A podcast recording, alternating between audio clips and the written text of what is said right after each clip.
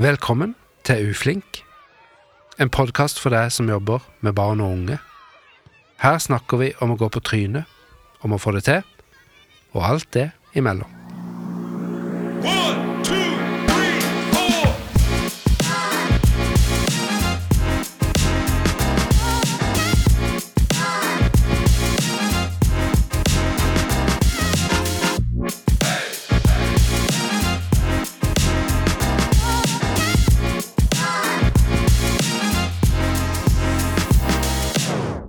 I går toppa det seg, og jeg endte opp med å stå og brøle foran en vettskremt klasse.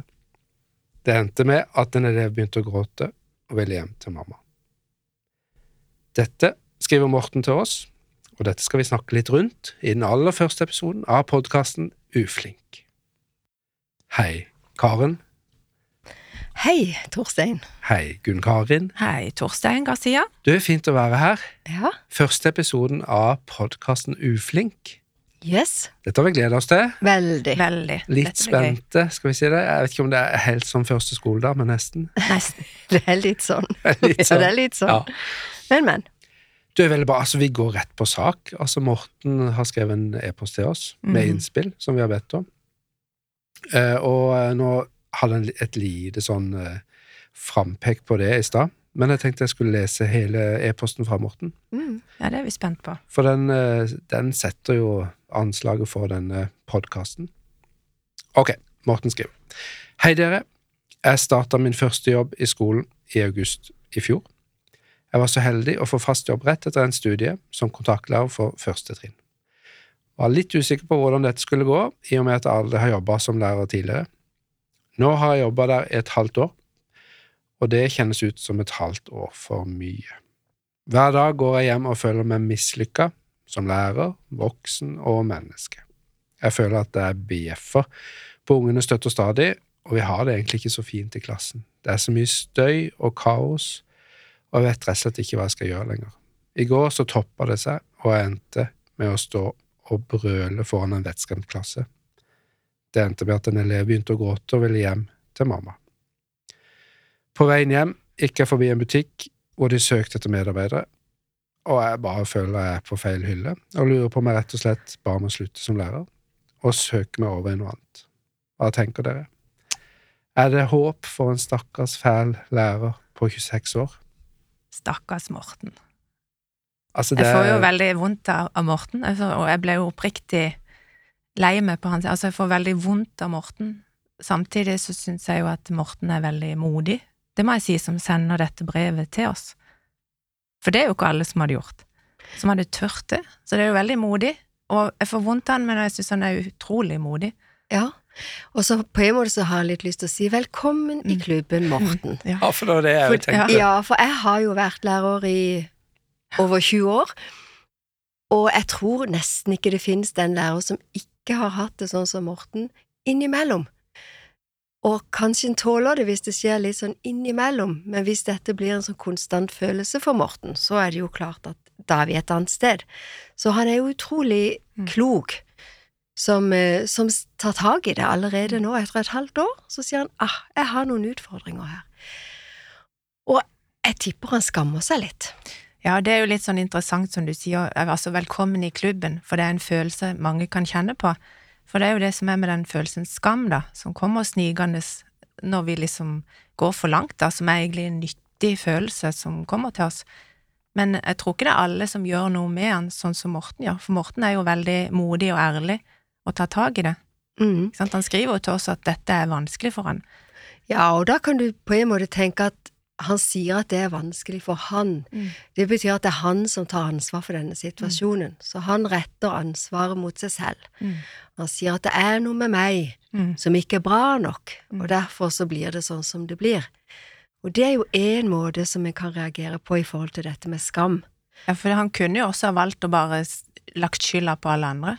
Det er Ja. de dumme foreldrene som ikke oppdrar ungene godt nok, eller skolen er ikke grei nok, eller rammene er ikke greie nok, jeg har ikke nok ressurser, Mm. retta det på en måte utover seg sjøl. Mm. Gå til angrep på noen. Mm. Og det er jo en annen strategi igjen, som en kan liksom håndtere skammen på, da.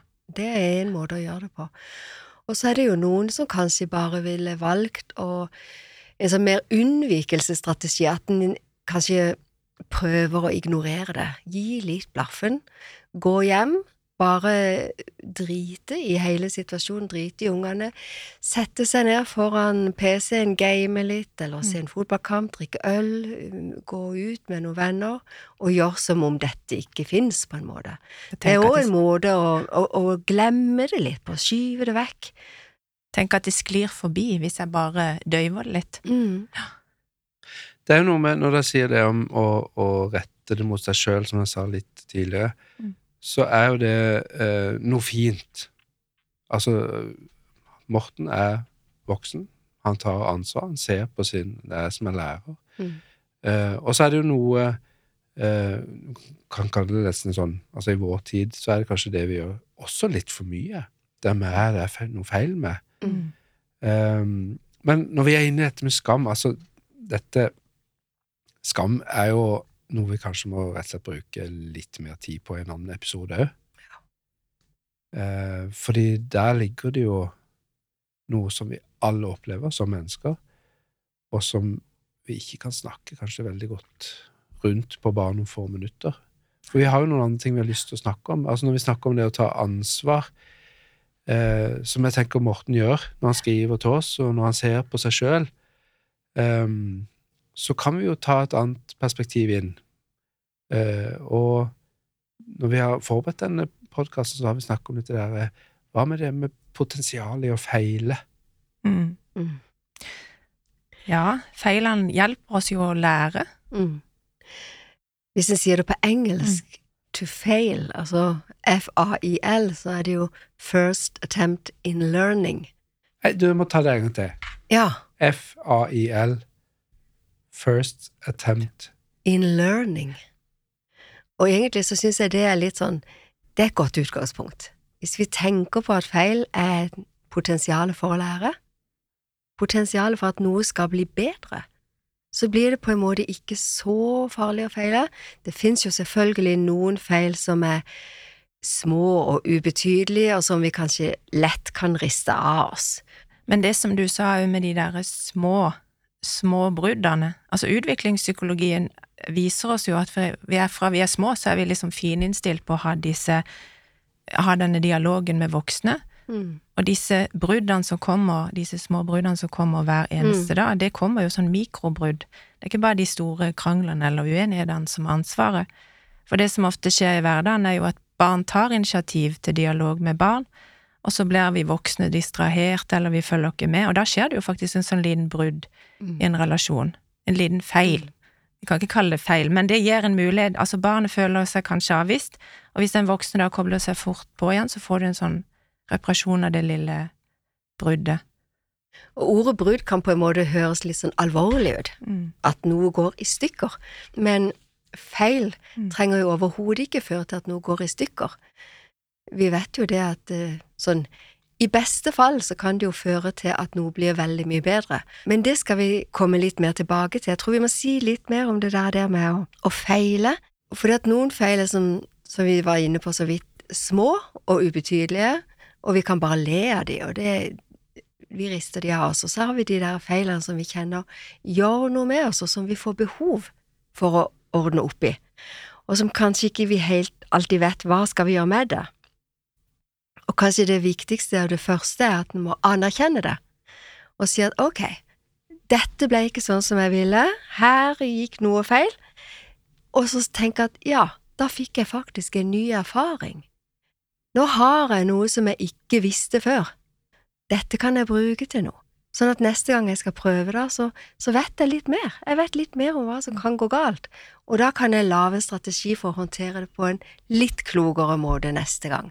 Så feilene kan egentlig hjelpe oss å bli litt mer robuste og, og tåle mer på et vis, da, og gjøre oss sterkere. Mm.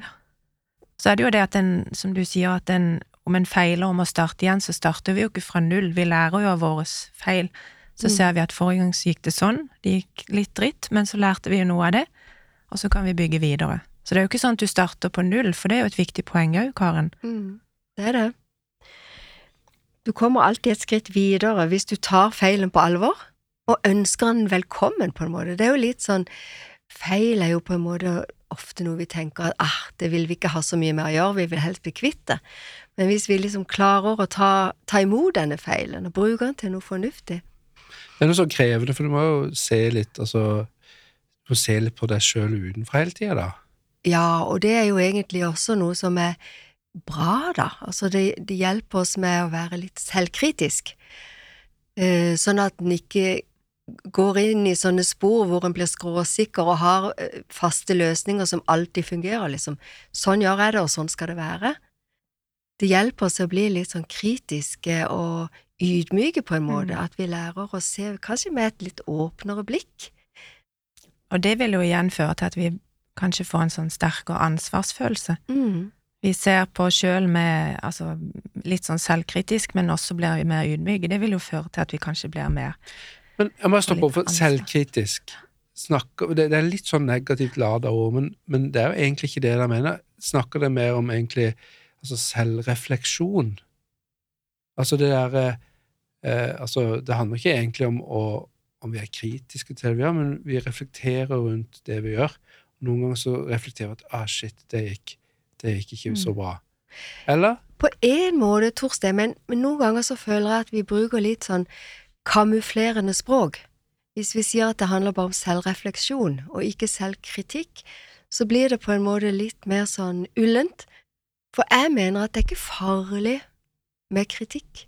Altså, selvkritikk hjelper meg til å ta tak på en måte, og det hjelper meg til å se et potensial og flere muligheter hvis jeg tør å se meg, på meg selv med et litt sånn kritisk linse og tenke at ja, dette kan jeg jo kanskje bli bedre på. mm. Refleksjon er på en måte litt mer sånn diffust. Men det, ja, jeg, jeg ser det, men det er også litt sånn mindre farlig. Altså hvis En ting er hvis en skal ta en, en, eh, en selvkritikk av seg sjøl, men hvis en skal snakke med en kollega eller noe, så er det jo så er det litt lettere, tenker jeg. Så kan vi reflektere rundt denne situasjonen? Eller Ja, kan, vi, er lettere, kan vi men, finne litt kritikk på meg i denne ja, situasjonen? men Vi trenger ikke si det, men altså, vi har kalt denne podden for uflink nettopp fordi vi tenker at det er lov å feile. Det er lov å ikke være flink. Det er lov å ikke få det til. Og derfor så tenker jeg jo at vi kan tørre å bruke sånne ord som å si at jeg ser på meg selv, og jeg ser at her gjorde jeg feil. Halleluja. Det kan jeg lære av. Og det er jo det jeg tenker at det er jo det Morten gjør her. For det at det er selvkritikk. Jeg tenker, men det er jo det han egentlig gjør. Han er jo egentlig litt sånn selvkritisk her, det hører vi jo i det han skriver. Ja. Så jeg tenker vi må hjelpe han til å Som du sier, Karen, det ligger en kime til noe positivt, men vi må hjelpe han et hakk videre, for nå er han veldig kritisk til seg sjøl, så vi må hjelpe han å forstå at de feilene han gjør, nødvendigvis Altså, det er jo ikke riktig du har ansvar som, for relasjonen som voksen, men hvordan kan vi hjelpe han videre? Hvordan kan han snu dette, da? Den selvkritikken, og få noe fruktbart ut av det. Mm. For det er jo litt sånn at når vi jobber med mennesker, så vil det skje dritt. Så han må liksom på en måte finne ut av hvordan han kan gjødsle relasjonen med denne eh, dritten, da, hvis vi skal si det på en annen måte. For vi må jo hjelpe han et hakk videre, for han er veldig selvkritisk her. Mm. Nettopp den selvkritikken kan han bruke til å se litt videre på problemet. Mm. Det hjelper han til å stoppe opp og se at ok, det var det jeg gjorde, det var en handling som ikke funka. La meg nå se, hva slags alternativer har jeg? Det kan han få til nettopp fordi han er så modig at han tar tak i det, Mm. og tør å se på seg selv med et kritisk blikk. Så hvis ikke kritikken liksom gjør at han går i sånn skammefeller, men tør å møte det, så er det noe veldig positivt i det. Da tenker jeg at denne her lille skamfølelsen har bidratt til at han kan, han kan snu denne situasjonen til noe litt kraftfullt. Mm. Det tror jeg er helt riktig, for han, han eh, Skamfølelsen Vi skal jo ha helt, en hel podkast om det, men det hjelper oss jo å fortelle noe Altså gi oss en følelse om, om oss sjøl. At vi må liksom endre kanskje en kurs, da. Mm. Og det føler jeg jo Morten egentlig gjør her, da. Ja, Så- og så spør han kan, kan noen reflektere sammen med meg på hva kan, hva kan det være? Hva kan jeg gjøre nå? Mm. Nå er jeg her. Nå trenger jeg kanskje noen å kaste ball med. Så nå kaster han litt ball med oss. Mm. Og han, han sier noe om at han han ønsker å ta ansvar. Hans forslag kanskje nå er at han skal slutte Det høres jo litt tidlig ut å, å gi opp, da. Men han er i en sånn en, på en fase hvor han sier dette her må jeg finne en vei ut av, jeg må ta ansvar for dette. Mm. Um, hvis jeg skulle hjelpe han litt sånn på vei der, da uh, Dette er en god erfaring. Mm. Han er i godt selskap. Det å være lærer med et klasserom på mellom 20 og 25-30 stykker, med, med elever og barn som har forskjellige behov, det koster, og det krever mye av meg. Hvis jeg skulle hjulpet han på vei, da hva er det han eh, Hvor ville vi begynt da med Morten? Akkurat nå er kanskje Morten litt motløs. Ja. Han kjenner litt sånn overvelda av dette her. Um, så hvis jeg skulle liksom eh, kanskje prøvd å gi han litt mot til å prøve ei stund til Et halvt år er veldig kort tid, egentlig. Altså Uansett hva slags ny jobb du begynner i, så trenger en jo ofte minst et år for å komme litt inn i det. Så eh, til Morten først og fremst så syns jeg han skal gi det et forsøk, og så prøve å tenke på de erfaringene han gjør nå, som er sånn potensiale. Eh, vi snakker jo om dette her med reparasjonens kraft. Her har det gått ganske mye galt. Han opplever at det er mange ting som har gått feil, og han trenger å reparere dette her. Jeg tenker at den relasjonen til den eleven som løp hjem, den står i fare. Mm. For det var såpass dramatisk at det kan kanskje føre til at den ungen ikke har lyst til å gå på skolen. Så hvis jeg hadde vært lærer, så tror jeg at jeg ville gjort noe med det fort. Jeg ville snakka med den eleven, og kanskje også med foreldrene der, og vært veldig ærlig, sagt unnskyld, sagt at jeg så jeg skremte deg. Jeg sto og brølte, og det skulle jeg ikke ha gjort, men jeg, jeg, jeg mista helt taket, og det beklager jeg. Bare det tror jeg vil jo hjelpe i en sånn eh, relasjon til dette barnet. Mm. En lærer som tør å være ærlig, da er han jo samtidig også et veldig godt forbilde. Da har du liksom oppdragerrollen uten å gjøre egentlig så veldig mye på et vis. Og så tror jeg det ligger en sånn veldig kraft i å si unnskyld, som voksne òg, at barn opplever at vi voksne òg kan si unnskyld. Husker en klasse jeg var inne i en gang, eh, og der var det en lærer som hadde opplevd det akkurat samme som Morten, at han hadde mista det. Det er jo det er sånn det er når vi jobber i relasjoner, så mister vi det. Men da sa han unnskyld til klassen dagen etterpå. Han sa unnskyld, vet du hva, i går så dreit jeg meg ut, jeg, jeg brølte på dere, det var nesten litt som å høre Morten. Men da husker jeg elevene kom til meg etterpå og sa jøss, så fint, han sa unnskyld til oss. Mm. Og jeg tror det gjør noe, altså barn er mennesker de òg, og hvis vi skal lære dem, så må vi lære dem at vi er oss med mennesker på fullt og helt, vi òg. Vi kan si unnskyld, vi kan miste det, men det der eh, kraften som ligger i å si unnskyld til hverandre, det tror jeg er viktig, altså, som du sier. Kanskje noen føler at de mister respekten, da. Mm. Altså de er redd for at de skal miste respekten. Jeg tror jo At det er på en måte et sånt tegn på svakhet, hvis en sier unnskyld og legger seg flat. Men det er jo egentlig tvert imot. Tvert imot. Ja. Ja, for sånn hvis du Altså, i våre liv og i mitt liv så har jeg jo Altså, det, det er jo ikke bare gøy å si unnskyld, da. Altså, det, du snakker om liksom miste respekt, og en kan snakke om liksom miste ansikt, eller liksom stille seg litt sånn sårbar og åpen, naken på at ja, jeg gjorde feil. Fytti, og så må jeg Jeg må I tillegg til å innrømme det for meg sjøl, så må jeg innrømme det for noen andre. Og det er jo ikke så lett. Men så er det litt sånn at vi er jo de voksne òg, da. Altså Ja. selv om det er kjempevanskelig, vi gjør jo feil. Vi gjør jo feil hele tida, så lærer vi jo barn noe viktig. Vi lærer at det skjer brudd, men det kan repareres. At sånn er livet, og, og det skal vi tåle sammen. Og en reparasjon, når en da sier unnskyld, da, så enkelt, men veldig vanskelig ord som unnskyld, det viser jo at, det, at, det, at vi kan fikse opp i ting òg. Um, Mm. og til syvende og sist så tror jeg du viser da eleven eller barnet, hvis du sier unnskyld, at det, at det er menneskelig å feile. Mm. Og vi er jo mennesker med hele oss. Jeg husker en elev som sa en gang at eh, det er ikke nok å si unnskyld, du Mm. må gjøre unnskyld. Og det syns jeg var veldig klokt, for det handler jo om at eh, noen ganger når vi oppdrar unger, så sier vi at hvis de har gjort noe galt, så sier vi du må si unnskyld. Og så sier de sånn unnskyld. Det skjedde senest i går i, i stua mi, ja. så ikke tenk på det. Eh, Nei, ikke tenk på det, for der har vi vel alle vært. Og kanskje òg liksom sånn som voksen at ok, unnskyld, men du var en drittsekk. Altså det, at det ligger ei sånn undertone. Så, så for Morten sin del, det der der å genuint være opptatt av hva denne eleven faktisk følte, og prøve å få tak i det, for det at en sier jo det at følelser, det er tilknytningssignaler. Så at hvis denne eleven klarer å få satt ord på disse følelsene, eller hvis du som voksen klarer å sette ord på det som du så, jeg så du ble redd, jeg så du løp, og det gjør en ikke hvis en ikke er ordentlig redd. Og det var fordi jeg brølte. Så følelser er egentlig ikke farlig. De Nei, forteller det oss hva er betyr- noe viktig. Ja, det betyr jo at disse altså, du gir en signal om at jeg ønsker en tilknytning.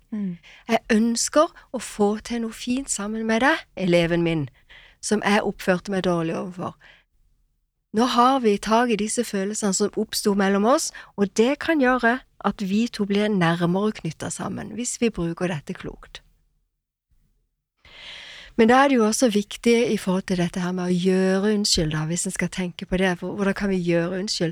Da må en faktisk lytte til hva er viktig for den eleven. Og det er der jeg tror mange ganger at iallfall jeg som lærer feiler, for at jeg trodde jeg tenkte hva som var viktig nå. Da må jeg gjøre sånn eller sånn. Mm. Istedenfor å utforske og spørre eleven hva trenger du nå? Hva kan jeg gjøre for at dette skal bli bedre mellom oss? Jeg synes det er fint det der du sier med at du må undre deg eller være litt sånn nysgjerrig, for det er jo ikke noe quick fix, det er jo ikke noe sånn one size fits all her.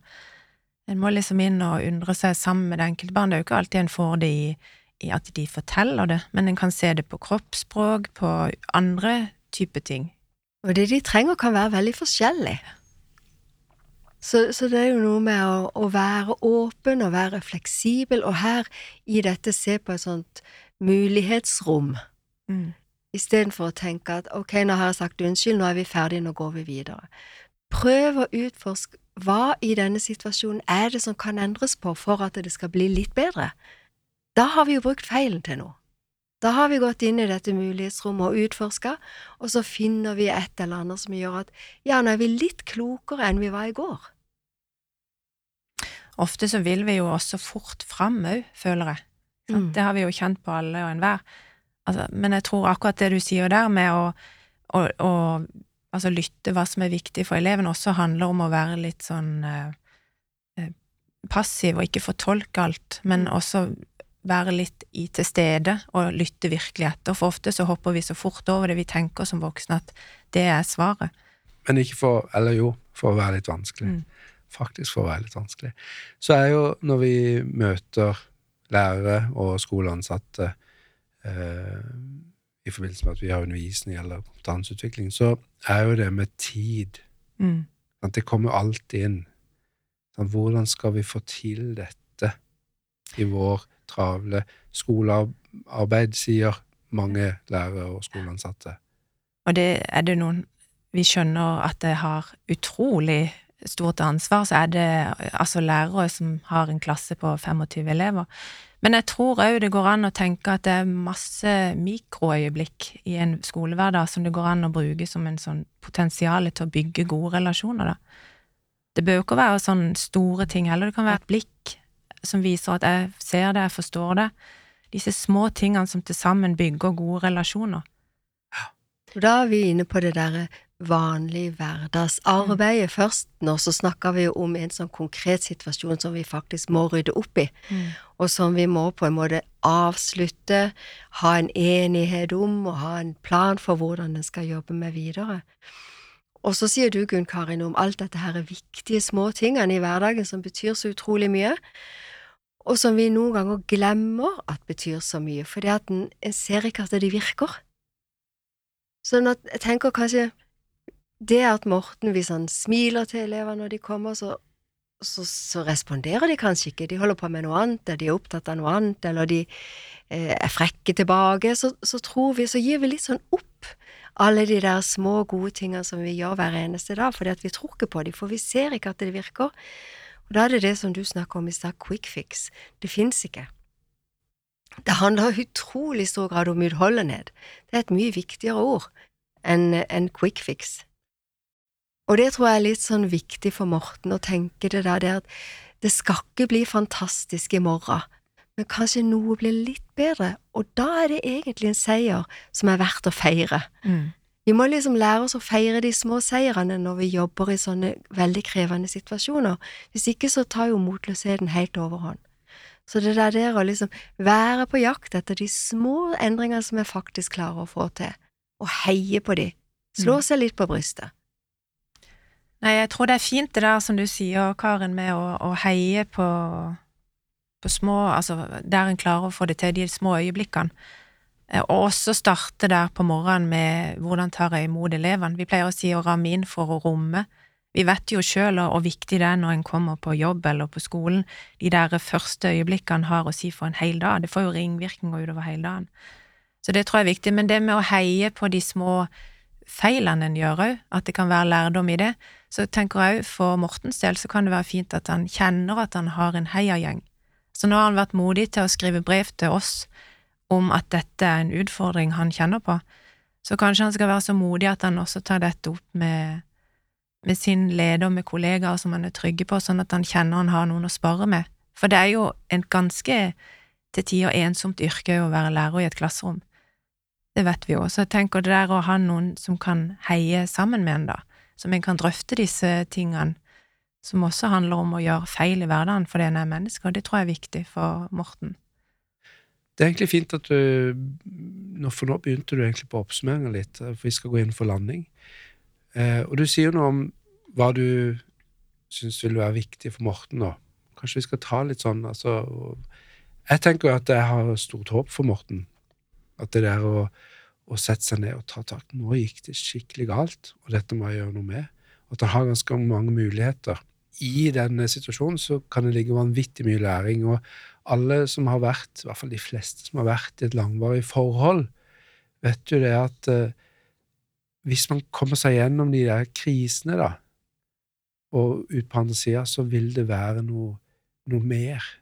Altså noe, noe sterkere, om det er relasjon eller samhold, hvis man greier å reparere det. Og det har vi snakka litt om reparasjonskraft. Så det tenker jeg for Morten å si unnskyld og si noe at jeg ønsker ikke å ha det sånn, jeg ønsker at vi skal få det bedre i klassen, og både én til én og, og i, i klasserommet til alle. Det må han gjøre, og det kommer til å gå bra, tror Mm. jeg. jeg Det kommer til å gå kjempebra, Ja. tror jeg. Ja. Det vil jeg si til Morten. Hva vil Ja. du si, Karen? Eh, Jeg fikk lyst til å si én ting til. Altså dette her med Når en opplever skam, så blir det Så er det ofte sånn at da trekker vi oss ut av fellesskapet. Men eh, for å kunne komme videre, for å kunne gjøre noe med det, så må en på en måte inn i fellesskapet. En må bruke fellesskapet. Nå har vi snakka om å bruke kolleger, men de aller viktigste i dette her tror jeg er foreldrene. For de vil jo barna sine det beste.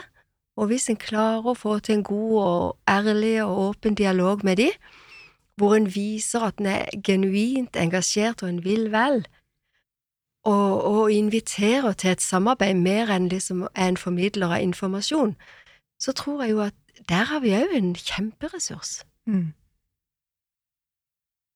Bra. Mm. Gunn Karin, siste ord til Morten. Ja, vi har vært gjennom masse, jeg tenker jeg, i denne her podkasten vår, men, men det er jo det med å Morten, altså det der med å anerkjenne at alle feiler. Det er en del av å være menneske, og det trenger ikke å være helt sånn katastrofe. Um, og så tenker jeg jo det er viktig å huske på for Morten det der med skamfølelsen som han er så modig å si noe om. At det kan være en sånn kime til kraft i en relasjon som kan forsterke en relasjon. Altså hvis en tar tak i og lytter til det den skamfølelsen prøver å fortelle han, sånn som han gjør, og hører på litt av det du òg sa, Torstein, med å um, jobbe videre med det. Si unnskyld til klassen, prøv på nytt. Så kan det være en uh, mulighet til å styrke relasjonene. Finne tilbake til hverandre og knytte båndene, klassebåndene litt tettere sammen. Jeg har stor tro på han. Au. Heia Morten. Heia Morten. Du har hørt på podkasten Uflink. Ny episode kommer første søndag hver måned. Vi vil gjerne høre fra deg om du har spørsmål, ønsker om tema, eller om du har noe du vil dele med oss. Send oss en mail på uflink.rvtssor.no. Vi sørger for at du forblir anonym hvis du ønsker det. Vi høres.